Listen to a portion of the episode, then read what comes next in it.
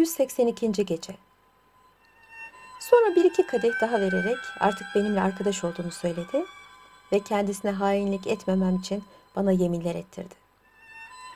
Üç gün yanlarında misafir kaldım. Üçüncü gün bana birçok kıymetli elbiseler ve hediyeler verdi. Güzel bir at bağışladı. Ayrılmadan evvel benimle bir gezinti yaptı. Bir ara yorulduğunu söyleyerek atından indi. Ben şöyle bir iki saat uyuyacağım. Sen yanımda dur. Şayet uzaktan birkaç atlı geldiğini görürsen sakın korkma. Onlar bizim kabileden bana düşman olan kimselerdir. Beni uyandırırsın dedi. Delikanlı uykuya dalınca şeytan aklıma girdi. Onu öldürmeyi ve kız kardeşine sahip olmayı düşündüm. Kısa bir düşünceden sonra kılıcımı çekip kafasını kestim. Çok geçmeden güzel kız çıka geldi. Abisinin öldürüldüğünü görünce kendisini onun ölüsü üzerine atarak ağlamaya başladı. Sonra bana dönerek Melun diye bağırdı. Sana güvenen ve hayatını bağışlayan abimi niye öldürdün? O seni memleketine bir sürü hediyelerle yollamak istiyordu. Bir ay sonra da beni seninle evlendirmeyi düşünüyordu. Ne diyeceğimi şaşırmıştım. Kız bunları söyledikten sonra birdenbire abisinin hançerini çekip kendi göğsüne saplayıverdi. Bir solukta öbür dünyaya göçtü. Bu iş o kadar ansız olmuştu ki önlemeye vakit bulamamıştım. Güzel kızın kanlar içinde Yiğit kardeşinin yanına düştüğünü görünce yaptığıma çok pişman oldum. Fakat olan olmuştu. Boş kalan güzel çadıra girdim. Yükte hafif, pahada ağır ne buldumsa bir deveye yükleyip oradan ayrıldı. İşte başımdan geçen ikinci garip hikaye de budur dedi. Bu hikayeyi derin bir heyecan içinde dinleyen Nusret Zaman daha fazla dayanamadı. Birdenbire adamın üzerine saldırarak kılıçla kafasını uçurdu. Onun bu haline şaşanlara, Ulu Tanrım nihayet bana bu günleri gösterdi. Kendi elimle öcümü aldım dedi. Sıra ikinci çapulcuya gelmişti. Bu kanlı gözlü Zebella gibi bir zenciydi. Adının Gadban olduğunu söyleyen bu zenci, Prenses Ebrize'yi nasıl öldürdüğünü ve ona nasıl fenalık ettiğini açıkça söyledi. Bunun üzerine Revmezan, kılıcını çekip annesini öldüren haydudun cezasını verdi. Sonra derin bir soluk alarak, bana da annemin katilinden öcümü almak nasip oldu ya dedi. Üçüncü haydut, sorguya çekilince onun da Kudüs'te hastalanan Davül Mekan'ı aldığı para karşılığında Şam'a götürecek yerde bir hamam külhanının yanına atan deveci olduğu anlaşıldı. Bunun üzerine Davül Mekan'ın oğlu Kyan Mekan da onun kafasını uçurdu. Üç kardeş böylelikle vaktiyle kendilerine kötülük yapanlardan öc aldıktan sonra Rum kralının anası o korkunç cadı karıyı bulmaya, ondan da hükümdar Numan'ın ve Şehzade Şerkan'ın öcünü almaya karar verdiler.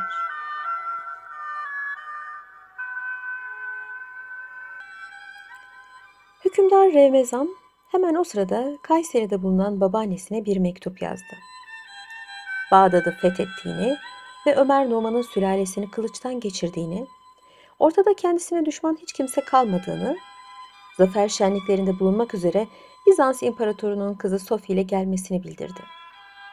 Yanına asker almaya lüzum görmeden Rum devlet adamlarından isteyenleri getirebileceğini de ilave etti. Cadı karı torununun güvenilir adamlarından birisiyle yolladığı mektubu okuyunca çok sevindi. Yanına Sofi'yi ve bazı devlet adamlarını alarak hemen Bağdat'a yollandı. Bir zaman sonra onun geldiğini haber alan Revmezan, Rum silahşörleri kılığına soktuğu adamlarıyla kadını karşılamaya çıktı. Cadı karı torununu görünce onu elde ettiği büyük başarıdan ötürü kutladı, kutladı kucakladı. Revmezan birdenbire koca karının kollarına sımsıkı yapıştı.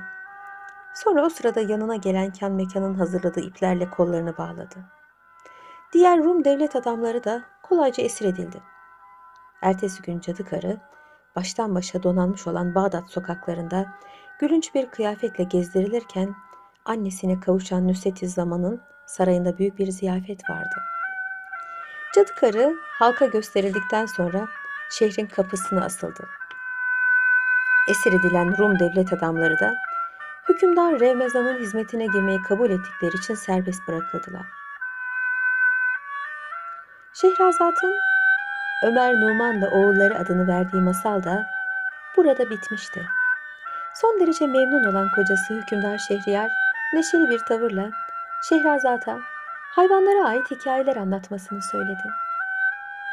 Şehrazat sabahın yaklaşmakta olduğunu ileri sürerek ertesi gece sağ kalırsa hükümdarın bu emrini yerine getireceğini vaat etti. Böylece o günde hayatını kurtaran Şehrazat ortalık kararıp hükümdarla buluşunca vaat ettiği hayvan hikayelerini anlatmaya başladı.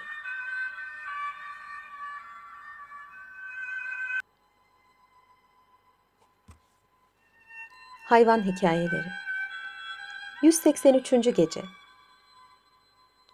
Vaktiyle denize yakın bir ormanda bir tavus kuşu eşiyle beraber yaşardı. Ormanın vahşi hayvanlarından korkan bu güzel tüylü kuşlar gece olunca sık yapraklı bir ağaca çıkıp orada tünüyorlardı.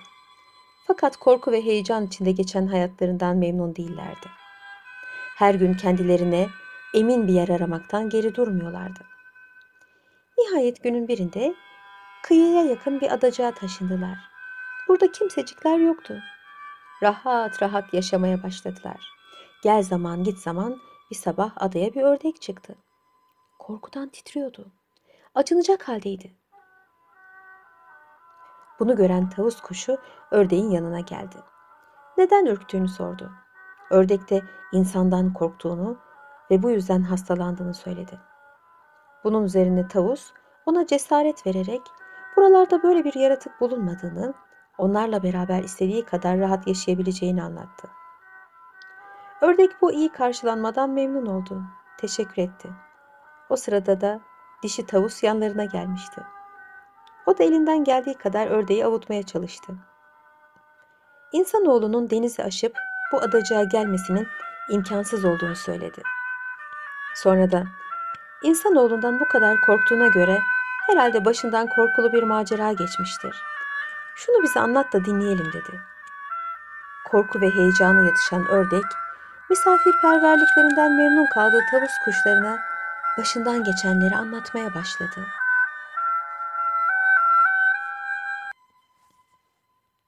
Ördeğin hikayesi Bir gece rüyada insanoğlunu görmüştüm. Benimle tatlı tatlı konuşuyordu. O sırada kulağıma bir ses geldi. Ey şaşkın ördek! İnsanoğlunun sözlerine kanma. O hilebazdır. Onun tuzaklarından kendini koru. İnsanoğlu denizin içindeki balıkları, havada uçan kuşları bile akıl ve hayale gelmeyen tuzaklarla avlamaktadır. Ormanlardaki vahşi hayvanlar da onun elinden kurtulamıyor. Birdenbire korku ve heyecanla uykudan uyandım. Tiril tiril titriyordum. Neredeyse insanoğlu gelip beni avlayacak diye korkudan dermanım kesilmiş, ne yapacağımı da şaşırmıştım. Bir zaman olduğum yerde sindikten sonra açlığa dayanamayarak yiyecek bir şey bulmak ümidiyle etrafıma bakına bakına yürümeye başladım. Bir dağ eteğine gelmiştim. Orada bir mağaranın kapısı önünde bir aslan yavrusu gördüm. Yanına yaklaştım. Beni iyi karşıladı. Benden hele rengimden çok hoşlandığını söyleyerek adımı sordu. Benim adım ördektir. Kuş cinsindenim dedim. Bunun üzerine kendisine niçin burada durduğunu, niçin gezmeye çıkmadığını sordu. Aslan yavrusu heyecanlı bir sesle Birkaç gün evvel babam bana insanoğlundan sakınmamı tembih etmişti. Dün gece rüyamda onu gördüm. Korkudan gezmeye çıkamıyorum dedi. Bunu işitince ben de gördüğüm rüyayı anlattım. Sonra senin baban hayvanların hükümdarıdır. Sen onun şehzadesisin. İnsanoğlundan neden korkuyorsun? O seninle başa çıkamaz ki. Bizim gibi zayıf hayvanları korumak için onu öldürmelisin. Sen ondan değil o senden korkmalı dedim. Sabah oluyordu. Şehrazat burada masalını ara verdi. Ertesi akşamda bıraktığı yerden tekrar şöylece anlatmaya koyuldu.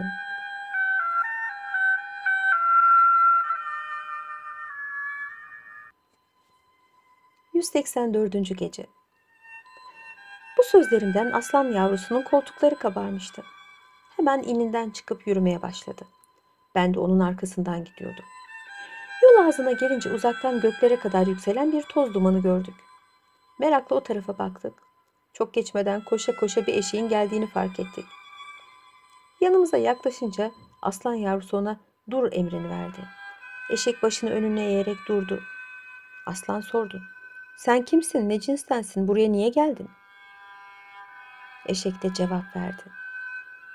Ey hükümdarın oğlu, ben eşeğim, evcil hayvanlardanım. İnsanoğlundan korkarak buralara geldim. Aslan yavrusu sözünü kesti. Seni öldürmesinden mi korktun? Hayır, beni yakalayıp işlerini gördürtmesinden korktum. Onda semer denilen bir şey var. Onu sırtıma koyuyor, boynuma da yular adını verdikleri bir şeyi takıp üstüme biniyor. Elindeki sivri uçlu bir sopayla ikide bir beni dürterek saatlerce yol yürütüyor. Ayağım bir şeye takılsa söyleniyor. Anırsam küfürün çeşitlisini savuruyor. İleride yaşlandığım zaman başka kardeşlerime yaptığı gibi beni sakalara verecek. Onlar da durmadan bana su taşıtacaklar. Öldüğüm vakitte leşimi köpeklere atacaklar. İnsanoğlundan korkmakta nasıl haklı olmam? Bunun üzerine ben aslan yavrusuna dönerek eşek haklıdır dedim. Buna kimse katlanamaz. Bu anlattıkları benim korkumu büsbütün arttırdı. Aslan yavrusu ikimize de hak verdi. Sonra eşeğe insanoğlunu nerede gördüğünü sordu. Eşek de güneş doğarken görmüştüm. Arkamdan gelir korkusuyla var kuvvetimle koşmaya başladım dedi. Fakat daha o sözünü bitirmeden uzaktan bir karaltı göründü. Hepimiz merakla o tarafa baktık.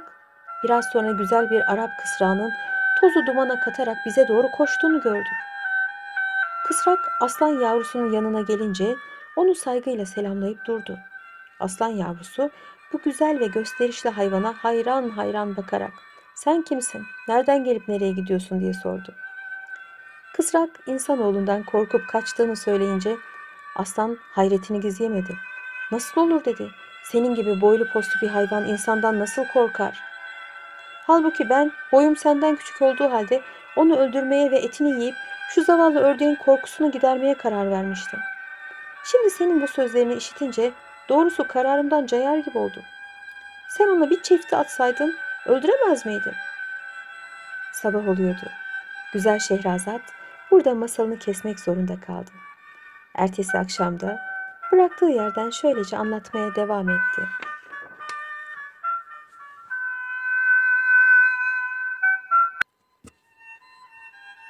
...185. Gece Bunu işiten kısrak güldü. Benim boyuma posuma bakıp da insanoğlunu yeneceğimi zannediyorsan aldanıyorsun aslan yavrusu. O öyle hilebaz, öyle kurnazdır ki ayaklarıma küçük bir kement takar, olduğum yerde kalırım. Bana bilmek istediği zaman üzerime eğer koyar. Ayaklarını üzengeye geçirir. Ağzıma taktığı gemle istediği tarafa çevirir. Beni saatlerce koşturur. Aksilik ettiğim zaman o üzengilerle yanlarımı kanatıncaya kadar vurur. Yaşlandığım zaman da beni değirmenciye satar. İşin yoksa dön baba dön. Ömrüm tükenince de derimi yüzerler, kuyruğumu koparıp elekçiye satarlar. Aslan yavrusu fena halde kızdı. Öfkeyle sordu. İnsanoğlunu ne zaman gördün? Öyle izleri görmüştüm. Aslan yavrusu ile kısrak böyle konuşurlarken biraz uzaktan bir devenin kendini kaybetmiş bir halde alabildiğine o tarafa doğru gelmekte olduğunu gördüler. O zamana kadar böyle bir hayvan görmemiş olan aslan yavrusu onu insanoğlu zannetti. Üzerine saldırmaya hazırlandı. Kısrak işi anlayıp aslana gelen hayvanın bir deve olduğunu söyledi. O sırada deve gelmiş, aslanın önünde durmuştu bile. Aslan ona nereden gelip nereye gittiğini sordu. Deve de insanoğlundan korkarak kaçtığını söyleyince aslan hayretle başını salladı. Sen de mi adam oğlundan korkuyorsun? Şu kocaman ayağınla ona bir vursan gebertirdin ayol. Deve aslan yavrusuna yan yan baktı. Sayın hükümdarımızın oğlu dedi. Siz onu tanımıyorsunuz galiba. Ancak ölüm onunla başa çıkabilir. O öyle kurnaz, öyle akıllıdır ki nice develerin boynuna yular geçirir. En küçük çocuğunun eline teslim eder. Buna karşı bir şey yapamayız. Bizi kullanmasını öyle bilir ki yıllarca şikayet etmeden, ayaklanmadan hizmet ederiz. Sırtımıza en ağır yükleri yükletir. Bizi uzun yollara sürer. Yaşlanınca da kasaba verir. O da derimizi debbağlara, etimizi de aşçılara satar. Aslan yavrusu insanoğlundan edilen şikayetleri dinledikçe sinirleniyor, bir an evvel onu bulup parçalamak için sabırsızlanıyordu. Hele deveden insanoğlunun yakında oralara geleceğini öğrenince daha fazla heyecanlandı. Yanlarından ayrılmak isteyen deveye korkma dedi. O buraya gelsin bak ben onu nasıl parçalayıp etini size yedireceğim. Kanını da lıkır lıkır içeceğim. Deve sözünü kesti. Ey hükümdarımızın oğlu, doğrusu onun tuzağına düşmenden korkuyorum. Çünkü o çok yaman bir yaratıktır. Dünyada ona alt olmayan bir kuvvet yoktur. Deve daha sözünü bitirmemişti ki uzaktan bir gölge belirdi. Çok geçmeden kısa boylu, çelimsiz, zayıf bir ihtiyarın içinde marangoz aletleri bulunan bir heybeyi sırtına vurmuş, başının üstüne de birkaç parça tahta parçası almış olduğu halde iki üç küçük çocukla geldiği görüldü. Aslan hemen onu karşıladı. İhtiyar hiç korkmadan güler yüzle vahşi hayvanı selamladı. Yine sabah oluyordu. Şehrazat tatlı bir esnemeyle burada sustu. Böylece yarıda kalan masala ertesi akşam devam edildi. Güzel kız aslanla karşılaşan adam oğlunun sözleriyle hikayesine başladı.